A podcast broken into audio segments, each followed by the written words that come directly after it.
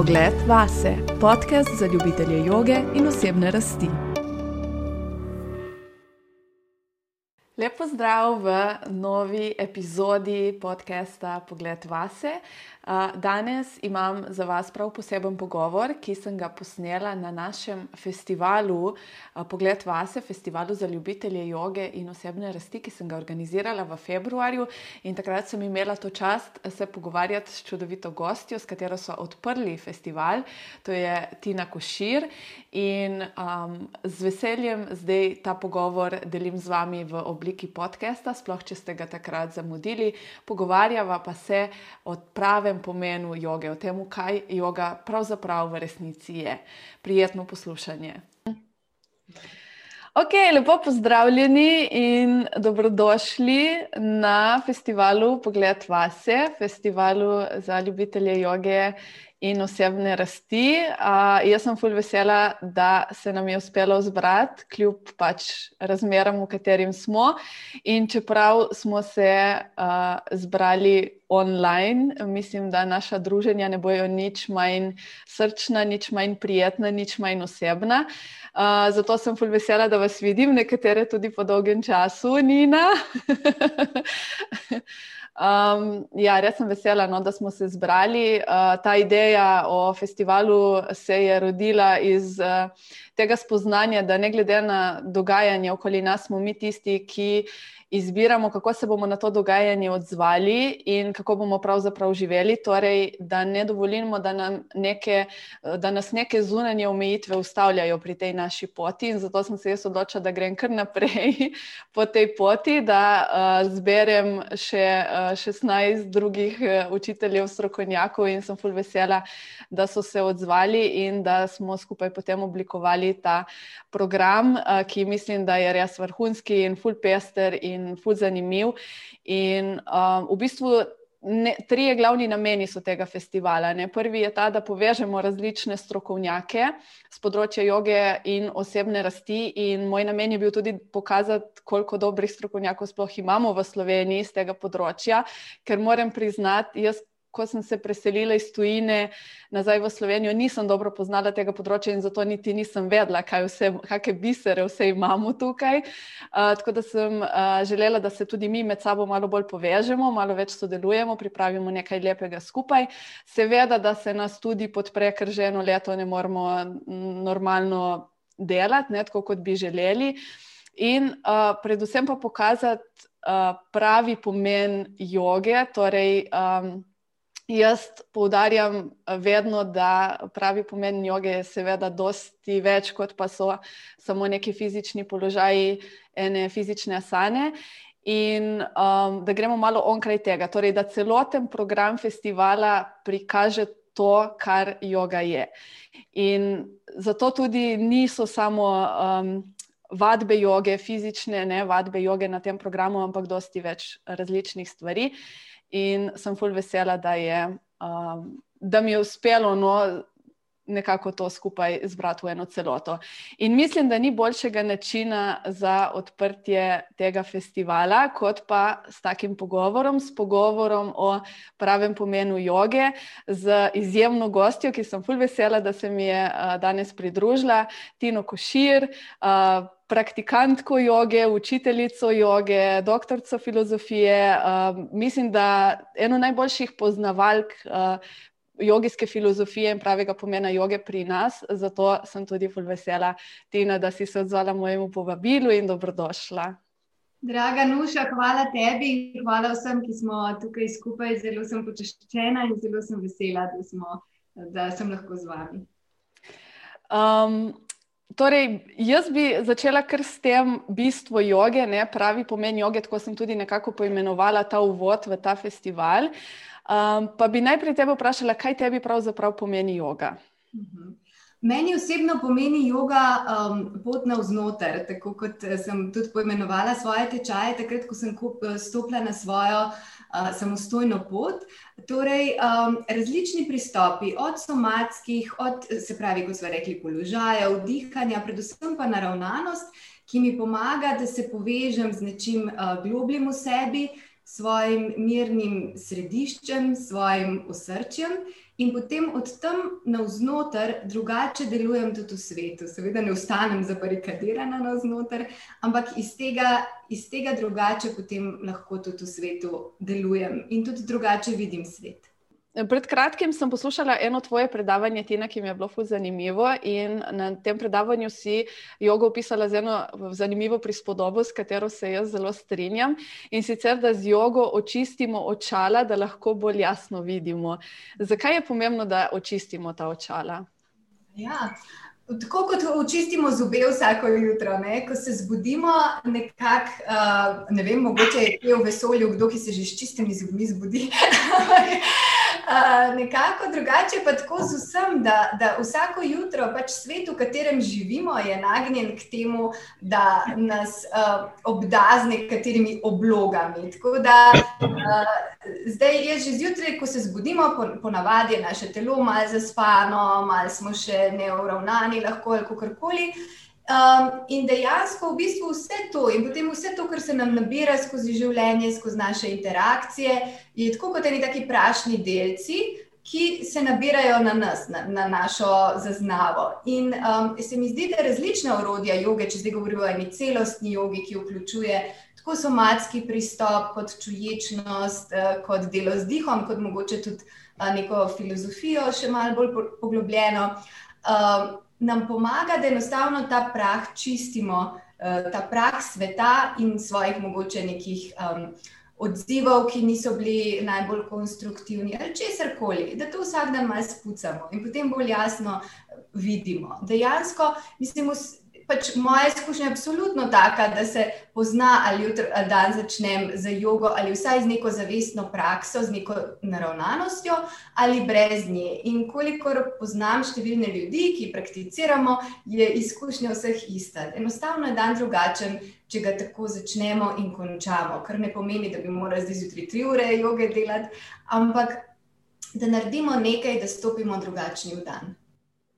Ja, jaz moram priznati, da imamo ful podoben pogled glede tega, ker se tudi meni tako zdi. Jaz tudi vidim eh, jogo kot en način, ne, če že govorimo o pogledu vase, da lahko boljše, bolj jasno vidimo, ne, ko gledamo vase. Ampak s tem, ko gledamo vase včasih in ko odstranjujemo ta prah, ki ga omenjaš, uh, pa lahko naletimo tudi na kakšne manj prijetne stvari. Um, in kako se lahko s temi neprijetnimi stvarmi soočimo, ko na nje naletimo? Ne samo, da lahko, ampak nujno, obvezno. Jaz mislim, da če ne naletimo na neprijetne reči, uh, potem ne vem, če zares gledamo vase. Zato, ker absolutno ne poznam nikogar, ki bi bil človek in utelešen v živem telesu, ki v sebi ne bi nosil nečesa, pač, kar ni vedno samo prijetno. To pač čisti realno pričakovati.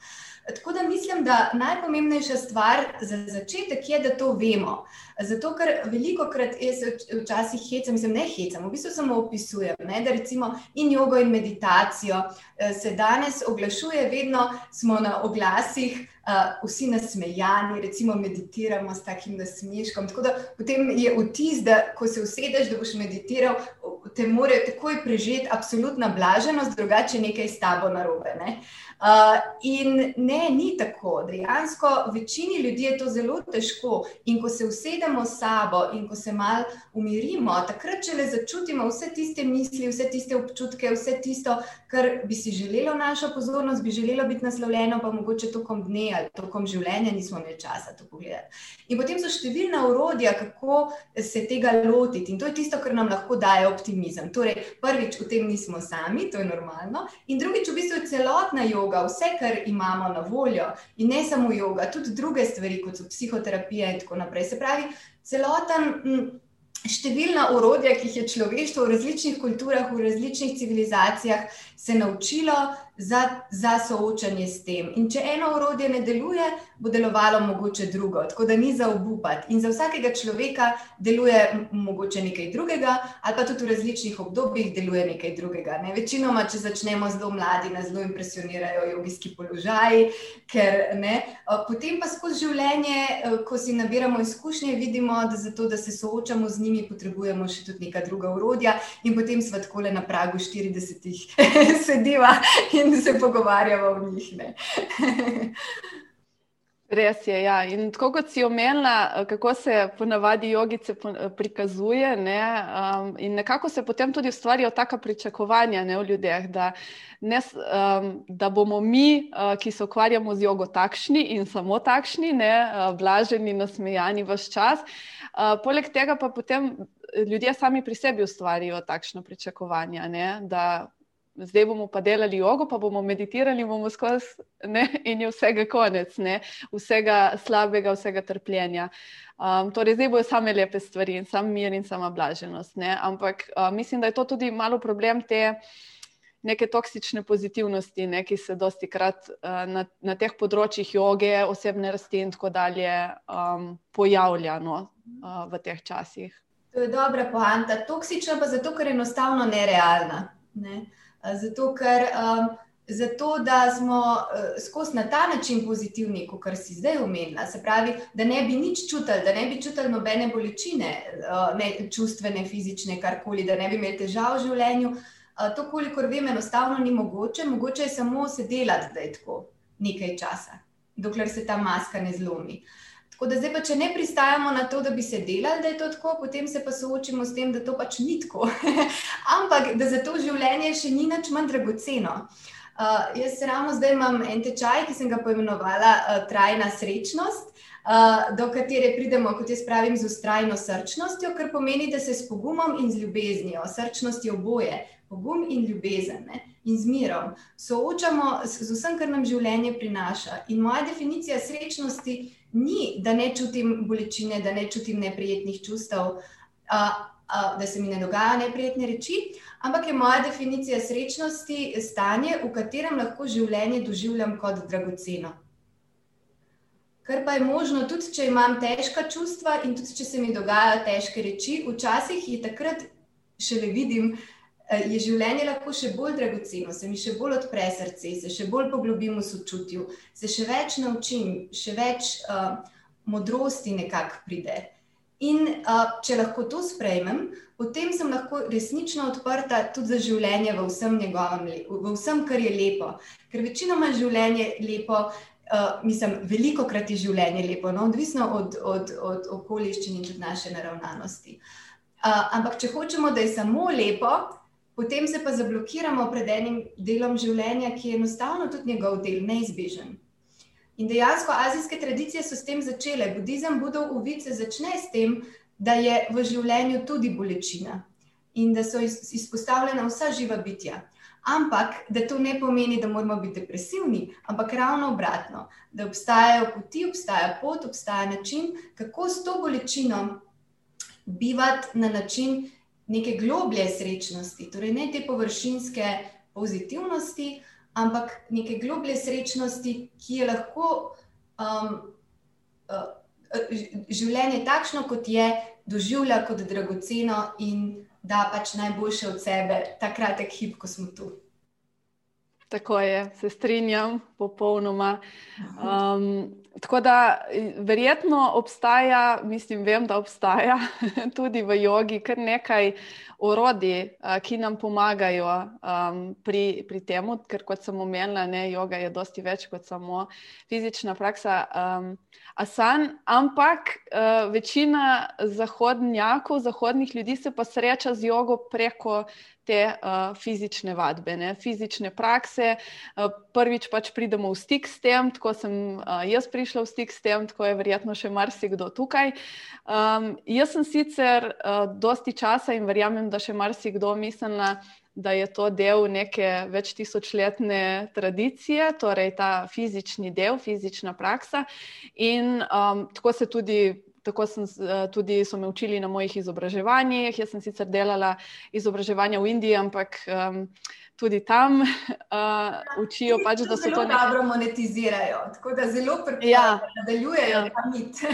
ja, seveda ne. In potem misliš, o grem tja, ne, ker iz tam joga izhaja in oni ja največ vejo o teh stvareh. In jaz verjamem, da ja, seveda, ampak je dosti tega predstavljanja, da je ta del uh, nek del uh, več tisočletne starodavne prakse, ko pa v resnici ni tako. In jaz moram priznati, da sem Eh, ko sem prišla do tega spoznanja, ko sem začela malo raziskovati eh, tudi sama, ker predtem sem slepo zaupala temu, kar so me učili na, na mojih izobraževanjih, da sem bila kratko, malo sem doživela neko tako krizo, krizo identitete, um, kaj jaz sploh delam. Jaz sem takrat že učila jogo, kaj jaz sploh delam. Jaz predajam naprej nekaj, kar in trdim, da je to neka več tisoč let stara stvar, ko pa v bistvu sploh ni.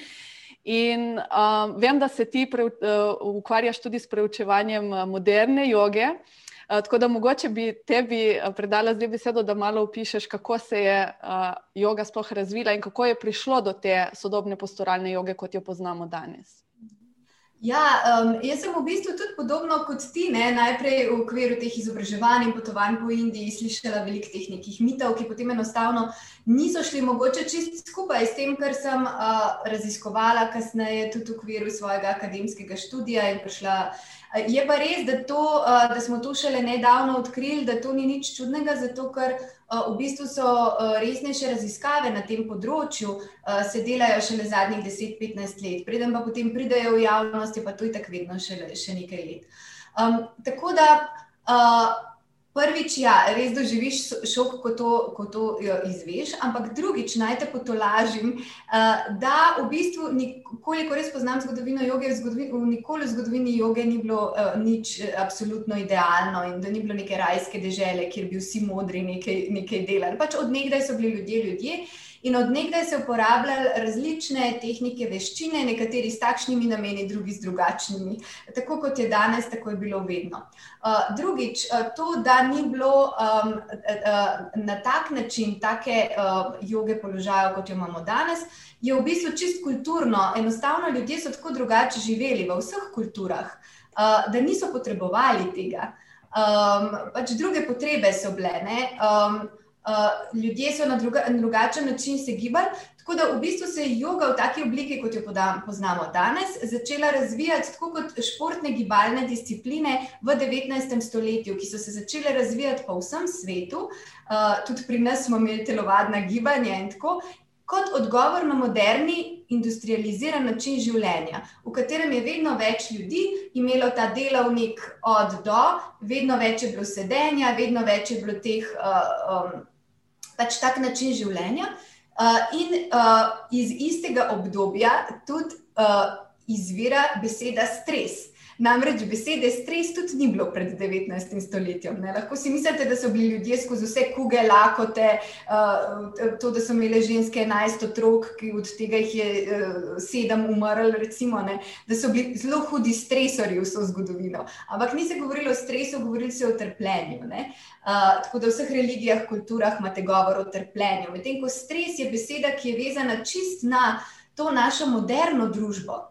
Tako da in danes, če pogledamo, kaj, kaj recimo, zakaj uporabljamo jogo, ne, jo uporabljamo kot eno orodje proti stresu, ki je čist vezan na to, kakšno je naše kulturno okolje zdaj. In zato ni nič narobe, da so naša orodja zdaj drugačna, ker so okoliščine naših življenj drugačne, družbena, uh, uh, družbena struktura je drugačna. Uh, tako da, če bi mi poskusili delati nekaj, kar dela ta indic, klej nad mojo glavo, bi bilo to za večino nas popolnoma nekoristno. Kar pa ne pomeni, da, te, da se od teh kultur lahko ne naučimo enih stvari, enih uh, naukov, enih upogledov, ki pa imajo globoko brezčasno vrednost. In v tem smislu je oboje res. In to, da yoga korenini v več tisočletnih tradicijah, in to, da se je v vseh teh tis tisočletjih izjemno spreminjala. Tako da že v teh tisočletjih ni bilo pač ene joge od, od vem, 1900 pred našim štetjem naprej, ampak, so, ampak vse čas, pa odkar ljudje obstajajo, je obstajala pa tudi želja se povezati z nečim globoko v nas. Um, s čimer, če se povežemo, se čutimo povezani tudi z vsem ostalim. To pa je ena želja, ki je v človeku.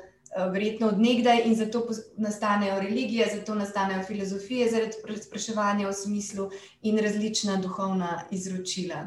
Tako da jaz mislim, da yoga položaj je za nas danes izjemno koristna, zato ker kot pravijo vsi. Um, Uh, pač trenerji, ne, kaje, uh, sedenje je novo kajenje. Mi potrebujemo orodja, s katerimi uh, se borimo proti posledicam tega kajenja.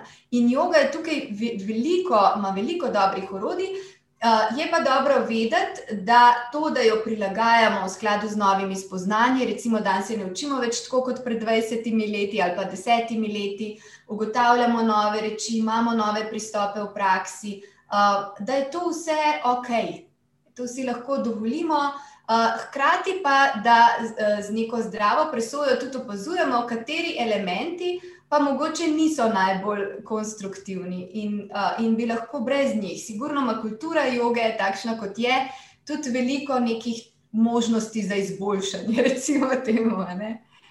Res je, ja, tudi to se strinjam. Um, Da je veliko uh, prostora za izboljšave, ampak le zaradi te um, nekako mentalitete, že tako se je yoga, ta sodobna yoga, razvila tako malo na nek vojaški način, ne, zaradi tega vpliva uh, tudi vojaške telovadbe, ne, bi rekla, in, in ima v sebi nek tak, te nekatere um, smeri, imajo v sebi nek tak vojaški pristop in niso toliko odprti. Um, Rekla za ta nova spoznanja in za spremembe. Uh, Uh, jaz moram priznati, da ko sem jaz prišla do teh spoznanj, da najprej po tej krizi, ko me je minila, uh, sem uh, ravno to ugotovila, kar praviš, ne? da v bistvu ja, je ok, da se ene stvari spremeni, prilagodi, da se prilagodi zahodnemu človeku, ki je seveda ima drugačno telo in vse skupaj kot en, uh, nekdo iz Indije. Ne?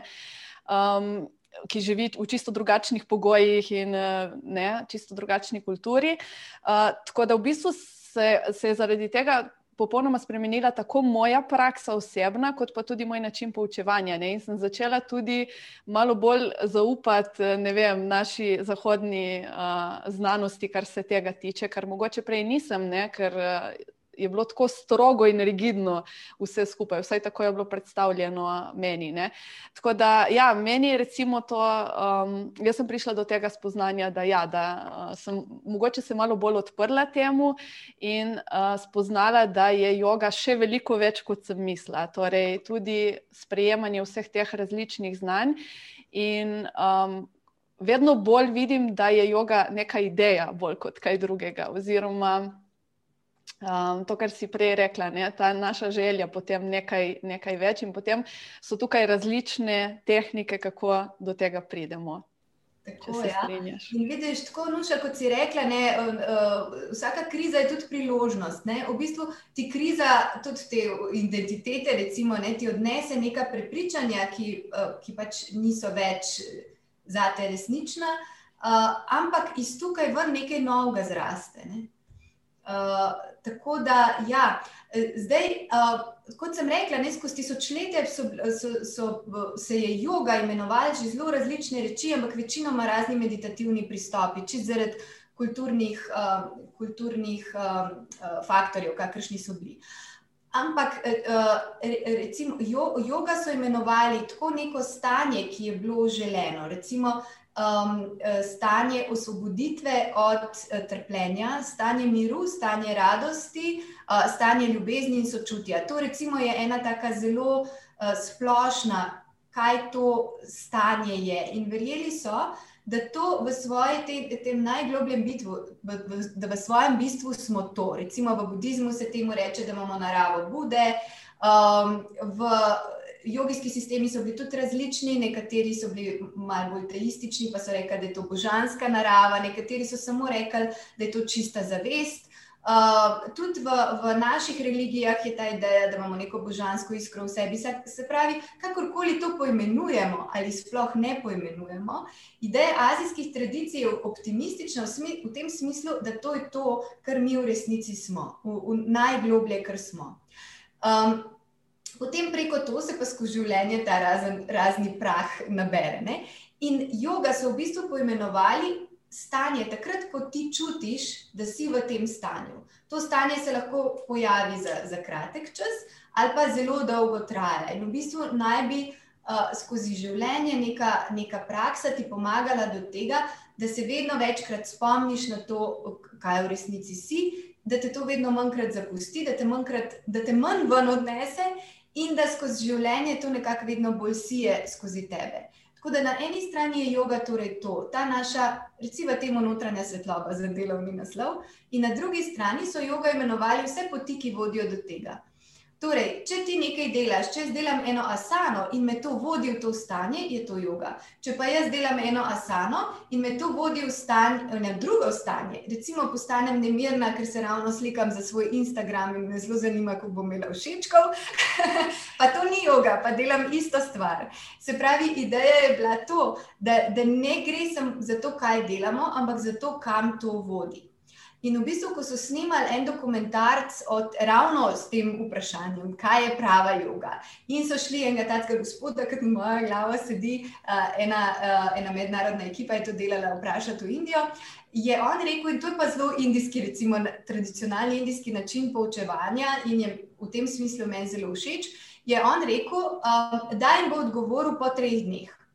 In uh, torej, to je bila ena ekipa, ne bom rekla, iz ene od teh militantnih smeri, ki si jih prej omenila, ne bom zdaj uh, uh, omenila, katere, uh, ampak ene, ki se zelo ukvarja s tem, kako delamo pravilno položaje. Um, no, in ta stari jogi jih je opazoval in jih je opazoval in opazoval, in sicer je znal tudi zelo slabo angliško, ampak potem po treh dneh so prišli k njemu in so rekli, Torej, kaj bi zdaj on jim povedal, kaj je yoga? In on je samo rekel, yoga na unit. In samo to je ponavljal. Se pravi, yoga na unit. Če prevedem, prevedem ni treba joge. Ne? In zdaj nič drugega jim ni hotel reči. In potem je pač ta ekipa bila zelo razočarana in so odšli, ampak je potem razložil svojim učencem, ki so ga sprašvali, kaj je zdaj to yoga na unit. Se yoga je vendarle, treba je delati jogo, se ti si. Ti zagovarjaš jogo. Ne? In on je rekel: ne, Jaz sem opazoval, uh, kakšni ti ljudje so tri dni. In sem opazil, da so oni izjemno obsedeni sami sabo, da se stalno gledajo v ogledalo, uh, oziroma stalno gledajo na svoje telefone, ko se slikajo. Skratka, da so oni obremenjeni s tem, kako so videti. Potem sem opazil, da oni med sabo nimajo dobrih odnosov, da uh, so zelo zajedljivi drug z drugim, da so zelo tekmovalni med sabo, da se ne podpirajo. Uh, da, da se obrekujejo za hrbtom. Uh, in na podlagi vsega tega, kar sem jih jaz opazoval tri dni, sem ugotovil, da ta njihova praksa njih dela vedno bolj egoistične. Zato to, kar oni imenujejo yoga in kar oni delajo, jim jaz samo rečem yoga na umit. In v starih časih je bilo zato, imate ogromno zgodb, kjer nekdo pride, enemu učitelju in ga ta učitelj noče učiti, ampak ga pošle lonce pomivati. Recimo, uh, to si sicer so danes v indijskih ašramih dela in do neke mere koristno, do neke mere tudi vprašljivo, ampak uh, meni vsekakor za moj značaj zelo pomagali uh, lonce pomivati, včasih bolj kot osane delati.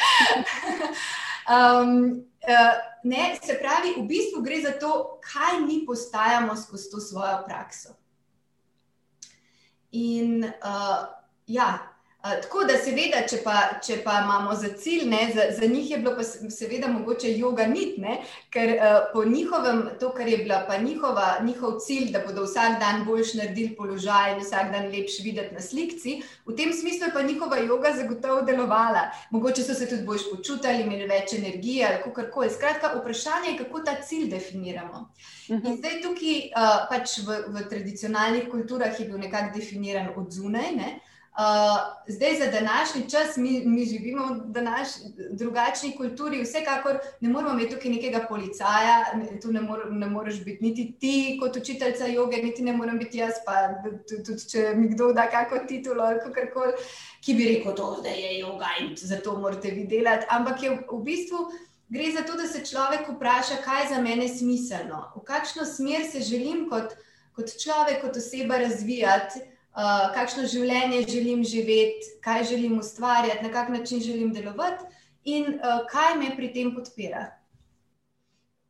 No, in če govorimo recimo o samadiju kot nekem uh, idealu v jogi, ne, torej uh, neko razsvetljenje oziroma popolno samospoznanje, um, a gre tukaj Um, me zanima, kako ti gledaš na to. A gre tukaj za nek končni cilj, proti kateremu smo usmerjeni in zato nekatere korake na tej poti delamo, ali gre za neko konstantno lovljenje enega ravnovesja?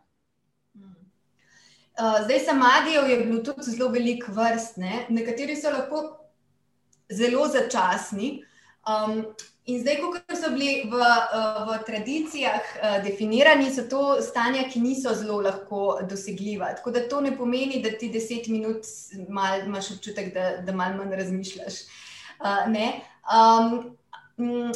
In uh, skratka, um, bili so samadi, recimo uh, ta stanja uh, transcendentne zamaknjenosti, ki so lahko trajale, recimo, mogoče nekaj ur. Uh, potem so bili pa stanja, ki so, uh, ki so lahko trajala uh, več mesecev, pa stanja, ki so te potem trajno spremenila. Uh, tako da večinoma je bilo to mišljeno, da ljudje morajo zelo dolgo doživljati uh, ta stanja, preden pride do tega končnega stanja samadija, o katerem govorimo, ki, ga, ki se ga definiralo, da je to takšno stanje spoznanja, v katerem se trpljenje ne more več pojaviti. Kar ne pomeni, da ni več fizične bolečine ali česar koli, ampak da je človek navznoter tako spremenjen, da njegov odziv na to ni več trpljenje. Zdaj, uh, to je zelo visok cilj, ki naj bi ga dosegali uh, recimo par ljudi na tem svetu. Uh, zdaj, mm, kar je za nas mogoče bolj uporabno, so taki majhni drobci uvida, navdiha, miru, radosti. Zdaj, če mi temu hočemo reči samadi, tudi zaradi mene lahko. Um, uh, ampak uh, mogoče bi še to rekla, da je uh, v budizmu imajo zelo uh, dobro razdeljene različne, um, različno, kaj je znanje. In uh, znanje na tako najnižje, najbolj površinsko znanje, da imaš ti samo idejo nečesa. Recimo, imaš intelektualno idejo nečesa, ali pa se mi dve zdaj tukaj neki pogovarjava, pa imamo lepe ideje. recimo, ne? In nekomu to malo zazveni, in to je pač nekaj, kar imamo v glavi. Potem druga stopnja znanja, ki je veliko globlje, je, da ima človek izkušnjo nečesa. Se pravi, ti lahko mogoče si šel na nek meditacijski odmik in tam se ti je za dva dni nekaj zelo premaknilo, nekaj se je zelo spremenil.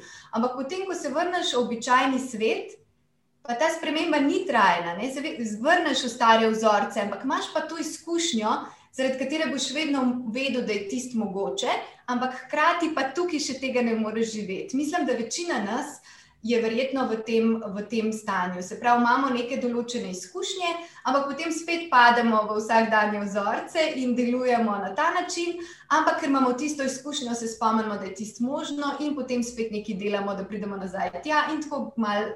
Padamo not in ven. Medtem ko recimo spoznanje, kot so imenovali spoznanje, je pa nekaj, kar je trajno, kar pa v bistvu uh, ti tako globoko vidiš, tako globoko spoznaš, da ne more več biti drugače. In veliko izkušenj, veliko izkušenj, veliko izkušenj, tako kot v življenju, tudi v jogi, vodi k spoznanju. In to spoznanje, te najgloblje spremembe, pa kot jih jaz vidim, so pa, recimo na začetku, ko, te, ko začneš prakticirati, so te spremembe bolj na površ, površju in tebi se zdi, da si se zelo spremenil, ampak v bistvu potem ugotoviš v življenju, da na neki način stvari isto reagiraš ko so spremembe res globoke, pa po mojih izkušnjah jih ti sam več ne opaziš. V bistvu, pa res globokih spremembah uh, ne vidiš, da si se spremenil. Uh, to mogoče drugi vidijo, ki te vidijo potem po desetih letih.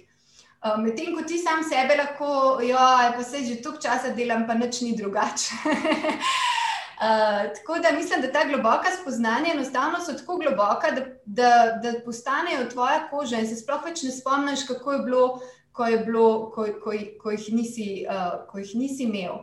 In po mojih izkušnjah z ljudmi, v katerem res vidim to, da so res nekaj spoznali in da res imajo modrost, so to ljudje, ki so prvič zelo človeški in drugič ljudje, ki so zelo skromni, ki nikoli ne obešajo te svoje modrosti na nek velik zvon, ampak jo živijo in uh, delijo z nekim odprtim srcem. Uh, nima, ni, nima, nimam pa ob takih ljudeh občutka, tega nekega napihovanja, uh, ki je ponavadi zraven takrat, ko se še malo naprezamo in bi radi bili nekaj, kar še nismo, kar je tudi organski del poti in je čist normalno. pač, pač tako to gre. Trudimo se, dokler nam nekaj ne rata. ja, iščemo ravnovesje. tako, ja. tako da mislim, da za večino nas je pač to realno, da, da, da uh, se nam nekaj utrne, potem spet pozabimo, in potem spet ne, in s časoma uh, je, so te um, spremembe vedno globlje in vedno trajnejše. Če ne drugo, pa življenje poskrbi za to, da nas vedno znova postavi v podobne situacije, da se prej ali slej to znanje res malo bolj ponotranji. No, vsekakor, ja, vsekakor življenje skrbi za to, da nam ni dolg čas. Ja. Res je. In ko smo že pri življenju, uh, jaz sem na tvoji spletni strani um, zasledila, da je eno tvojih vodil.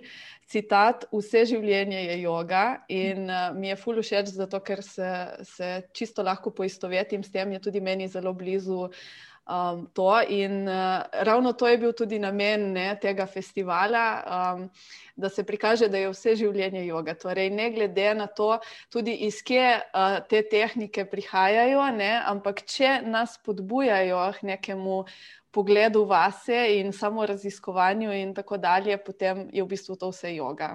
Ne? Tako, jaz ravno zaradi teh in, in raziskovanja indijskih tradicij, ki sem res uh, posvetila mu veliko časa, se tudi učila indijske jezike in tako naprej. Sem v bistvu zelo, um, uh, se, se v bistvu ne pustim več nikomor prepričati, ki mi nekaj to ni joga, to ni joga, to ni joga. Uh, zaradi tega, ker uh, v bistvu vključujem tudi v svojo prakso, tako kot si rekla, v bistvu urodja, ki prihajajo iz, iz različnih okolij, ravno zato, ker vem, da se tudi v tradicionalnih jogijskih tradicijah se je to tako delalo in da je glavni kriterij torej to, ali mene to vodi k tistemu uh, cilju, ki se meni zdi smiselen. Uh, in seveda so zdaj pa, pa v današnjem času, v današnji kulturi, mogoče so ene tehnike dela na sebi, malo drugačne. Uh, mogoče ne bom zdaj pet ur uh, ali pa uh, pet dni neprekinjeno samo eno mantro delala, ampak bom mogoče naredila nek drug pristop za to, da, da, um, da, um, da dobim neko vid ali kakorkoli. Ne. Um, tako da se mi zdi to bistveno se vprašati, kaj, kaj je za nas, za vsakega od nas, ki, ki se jogi posvečamo, kaj se nam zdi smiselni, smiselni cilj, smiselna smer in katera orodja, katere dejavnosti potem, nas potem podpirajo, in kako lahko to vključimo v svoje vsakdanje življenje. In, uh, recimo, sploh, če damo v jogo tudi ta princip čuječnosti, ki mislim, da je nujen, potem res lahko vsak trenutek uporabimo za to, da. Da te stvari utelešamo v svoji vsakodnevni praksi. Kako sem lahko čuječa, kako sem lahko sočutna, kako lahko um, se učim, kako se lahko modrim. In uh, peto, uh, moja še zelo ljuba, uh, fail again, fail better. Torej, uh, za moči spet, za moči bolje. Zato, ker uh, vedno znova, ko se odločim, da bom čuječa, da bom umirjena, da bom ljubeča, pa pride življenje in se sprožijo uh, naše avtomatične reakcije, ki pač uh, smo pogojeni v njih, in potem gremo nazaj, se spet malo umirimo. Ampak mislim, da na nas je, da delamo korake, kako daleč bomo pa prišli, pa bomo videli odvisno od številnih še zunanjih faktorjev. Tako da še ena stvar, ki so mi jo dali v Indiji, en dragocen stavek je: um, Do your best and don't worry about the rest. ja, res je. um, Jaz bi pozvala vse, če ima, vidim, da je zdaj Sara jih nekaj napisala, če ima še kdo kakšno vprašanje, eh, da lahko zdaj napišete, ker se približujemo koncu tega pogovora. In uh, bi te jaz še nekaj vprašala, uh, kako gledaš na to trenutno situacijo, ki se zdaj dogaja v svetu. Um, kako recimo ti v teh časih, ki so naporni za vse nas, iščeš neko ravnovesje, kako si pomagaš, mogoče nam lahko kakšno tehniko svojo zaupaš, ki bo mogoče tudi nam pomagala. Uh -huh. uh, na enak način kot v vseh časih, jaz v bistvu imam kar uh, torej dan začnem z eno, z, z, z eno svojo uh, prakso in zaključim z, z eno svojo prakso. In vmes potem um, uh, v bistvu um, se mi zdi, da uh, ravno takrat, pač meni in yoga in meditacija in, in to, da sem v naravi in tako recimo pomaga, da, da, da pridem v to stanje, kjer se počutim bolj mirno, bolj povezano in v tem stanju potem dobim navdih, kako delovati tokom tega dne ali tega tedna ali tega meseca ali kako koli in temu sledim. In potem uh, torej to dvoje, do your best and don't worry about the rest. In, in uh, fail again, fail better. To, to dvoje mi zelo pomaga. torej, naredi najbolje, kar zmoriš, in ne skrbi glede ostalega, ampak najprej pa naredi najbolje, kar zmoriš. To pa. Ne? In uh, drugo, uh, torej, uh, uh, za moči spet in za moči bolje, ker najbolje, kar zmoriš, včasih je, ni, ni, ni optimalno, pogosto ni optimalno. Hvala. Um, Sara pravi, po tej logiki bi rekla, da sta tudi Tai Chi in Qigong ter podobne prakse na nek način yoga. Kaj menite o tem? Ja, v tem smislu, absolutno. Uh, je, ima veliko uh, velik več uh, Tai Chi in Qigong, recimo tudi z jogijskimi tradicijami, kot so bile v Indiji, mislim, vsaj v tem pristopu, kot kar mogoče uh, kakšna nečuječa praksa, uh, praksa uh, joge. Um, tako da to so različna imena, um, različni pristopi, tudi ne. Um, Zdaj, če gledamo čisto tradicionalno, je indijska yoga ponavadi zelo statična, uh, tako da te vinjase in vse to, to se je razvilo v zelo zadnjem času, v zadnjih uh, stoletjih. Um, uh, tako da, v glavnem, je bilo bistvo joge to, da so ljudje sedeli in bili primer. Medtem ko pri tajči in čigongu gre za ta flow. Uh, tako da, v bistvu je vpliv vseh teh tradicij, ki se zdaj mešajo, da mi tudi jogo vedno bolj delamo na način flowa in tako, tako da se to vse, vse nekako uh, povezuje. Meni vsekakor ta flow tudi zelo ustreza, pa recimo tudi ples in tako. tako da, uh, ustreza mi pa tudi čist primer sedeti. tako da odvisno od, uh, odvisno od tega, kaj, um, uh, kaj, kaj želimo, oziroma tudi mogoče kakšen dan je. Res je tudi to, se je recimo ta, ta flow in ta vinjasa, to se je vse pač z razlogom tako razvilo, oziroma postalo tako priljubljeno, ker je uh, večini ljudi tudi najbolj všeč, ker um, nekako, sploh tukaj na Zahodu, nismo toliko vajeni tega sedenja pri miru in uh, ne delati ničesar, ne? ker itak skozi samo delamo, skozi smo v tem fight or flight ne, um, tempu. In potem, tudi ko gremo na eno tako prakso, nam je všeč, da je ne, nek flow, da se nekaj dogaja. Um, je pa res, da mislim, da bi vsi dosti bolj potrebovali malo več sedenja in malo bolj statične, mislim, sedenja v jogijskih položajih, oziroma malo bolj statične joge. Um, ne mislim sedenja za računalnikom, ker tega ja, delamo že dosti. Ja, se ja. to, uh, veš, tudi v bistvu v, v, v teh starodavnih tradicijah, to zelo malo ljudi se tega lotevali na ta način. Uh, tako da, recimo v Bhagavad Gita imaš prav številčno navedeno, da enega od tisoč ljudi, to, kar so tam imenovali yoga, torej uh, uh, to je tekst, ki je nastal tam okrog uh, 300 uh, med. Uh, mečkam pred našim štetjem. No.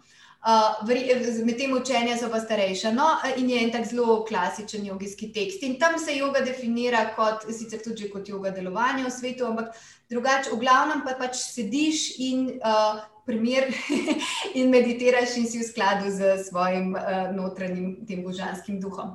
Um, ampak pravi, recimo, en človek na tisoč ga to sploh zanima. Torej, en promil ljudi. Uh, v tem smislu, ne, torej res te poglobljene meditativne poti. In od tisočev ljudi, ki, uh, ki se tega lotijo, se pravi, loti se eden na tisoč, in od tisočih ljudi, ki se tega lotijo, bo eden še v tem življenju dosegel tisto končno spoznanje, ki je torej popolna duhovna osvoboditev, bila definirana v teh tradicijah. Uh, torej, to je bilo vedno zelo, to nikoli ni bilo množično. Če je yoga uh, množična, pa pomeni, da mora tudi služiti uh, potre, potrebam, uh, ki so množične. Ne? Seveda, 999 ljudi ima pa druge potrebe, bi si pač želelo, kar ne pomeni, da ne morejo nič imeti od joge. Uh, mo mogoče ni treba, da delajo jogo na, na, na ta način, mislim, da, uh, ampak, uh, ampak uh, lahko smo, recimo, ni vse samo črno in belo, lahko smo malo bolj v stiku s sabo, malo manj in, uh, in pač prilagodimo prakso svojim, svojim potrebam in svojemu življenju. Uh mhm. -huh. Zanimivih vprašanj vidim, bom probala. Ja. ja, Sara pravi, morda na splošno. Predvsem zahodnjaki rabimo več uječega sedenja. To, ja, to sem mislila na sedenje, več uječe sedenje, ja, ja, z ja. zaprtimi očmi. Ja, tako je, se strinjam. Uh, Lik zaradi tega, ker uh, nas življenje vleče v čisto drugo smer, oziroma se dogaja nekako v čisto drugo, v drugo smer. Ok, bova odgovorili še na. Um, Tle sta sicer še dve vprašanje, ampak malo nam zmanjkuje časa. Um, ko omenjate prakse, naprimer jutranjo večerno, ali je pomembno oziroma smiselno za nek napredek, dosego določene spremembe ali stanja, da določen čas izvajamo oziroma ostajamo pri eni in isti praksi, ali je ok, če menjamo po počutju. Jaz osebno bi rekla, da je fajn menjavati, zato ker pač v smislu, da nismo vedno isto, nismo vsak dan isto, ne rabimo vsak dan enih in istih stvari, pa ne samo vsak dan, ampak v različnih obdobjih življenja. Um, rabimo različne stvari, če izhajam pač iz svoje izkušnje in nasplošno moje izkušnje z drugimi ljudmi. Uh, kaj pa ti praviš, Tina? Odvisno, katere, ne zdaj posebej fizične prakse, zdaj že tako rekoč dokazano, da jih je dobro menjati. Ja. Kar se pa tiče teh meditativnih praks, pa zna biti zelo koristno, da delamo kako prakso dlje časa, pa tudi nek fiksen čas in to ne. Ampak to se tudi spremlja, recimo, fino je, če imate kakega učitelja, ki vas zna skozi ta proces uh, malo voditi. Če bi kdo želel karkoli, uh, imel še kakšno vprašanje, absolutno mi lahko tudi pišete. Moj mail je tina.kosir.afnagamen.com uh, in z veseljem vam odgovorim tudi na, na, na kakšne vprašanja, ki jih imate, mora biti še bolj specifična. In Maja še sprašuje, kako začeti z meditacijo, kakšen uporaben vir. Jaz bi jo napotila, ker uh, Tini na njene meditacije, drugače pa bomo imeli nekaj meditacij tudi na, na tem festivalu, ampak Tina, lahko ti poveš.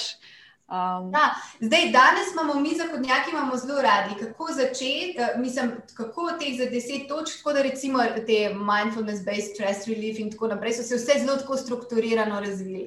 Zdaj, v teh starih tradicijah, kar je recimo meni tudi blizu, ampak to so bile ravno tradicije zato, ker se je osebno poučevali je bilo izhodišče, da je vsak človek drugačen. Uh, tako da na nek način, seveda, so določene prakse, ne bo nič narobe, če se učimo sedeti, biti stabilni, dihati, vzpostavljati ljubeče naklonjenost do sebe in drugih, in tako naprej. Uh, ampak, takoj, ko gremo malo globlje, je pa zelo odvisno od vsakega posameznika. Tako da je super, uh, če recimo uh, najčudovitejše je, če, uh, če imate možnost preizkusiti različne. Uh, stvari. Pa, uh, skratka, ni, ni nujno pot enaka za vse. No, tako. Ja, tako, ja, ljudje smo si različni, uh, različne stvari nam ustrezajo, in zato je ja. fajn preizkušati. Ne? Ja, so pa neke osnove, ki so lahko pa za, recimo, za večino ljudi koristne. Um, tako. Ja, jaz bi sicer z veseljem še, še debatirala tukaj s tabo, mi je res v veselje, res se mi zdi zanimiv pogovor, ampak nažalost se na en čas izteka, tako da se moramo posloviti. Bova pa upam, da. Reči, da so minljive, tako da mene predvsem veseli, Nuša. Najlepša hvala za tvoje odlično vprašanje in tudi vsem ostalim in uh, za pozoren posluh. In uh, sem bom zelo vesela, če se srečamo še ob kakšni priliki. Vidite, smo odprli neka vrata, zdaj pa lahko gremo skozi še naprej, vsak po svoje in mogoče kdaj spet tudi skupaj. Tako, hvala, Tina, in upam, da se kmalo spet srečava in kakšno rečeva. Upam, da ko se bo vse sprostilo, da boš prišla v našo šalo, na obalo nas obiskati, da mhm. organiziramo še kakšno predavanje, srečanje, kakorkoli. Uh, hvala vsem, ki ste bili tukaj in ki ste prišli na ta festival. Jaz vam želim en lep vikend, da uživate v pogledu vase, uh, uživate v vseh delavnicah, ki smo jih pripravili za vas. In to je to. Hvala in lepo se imejte.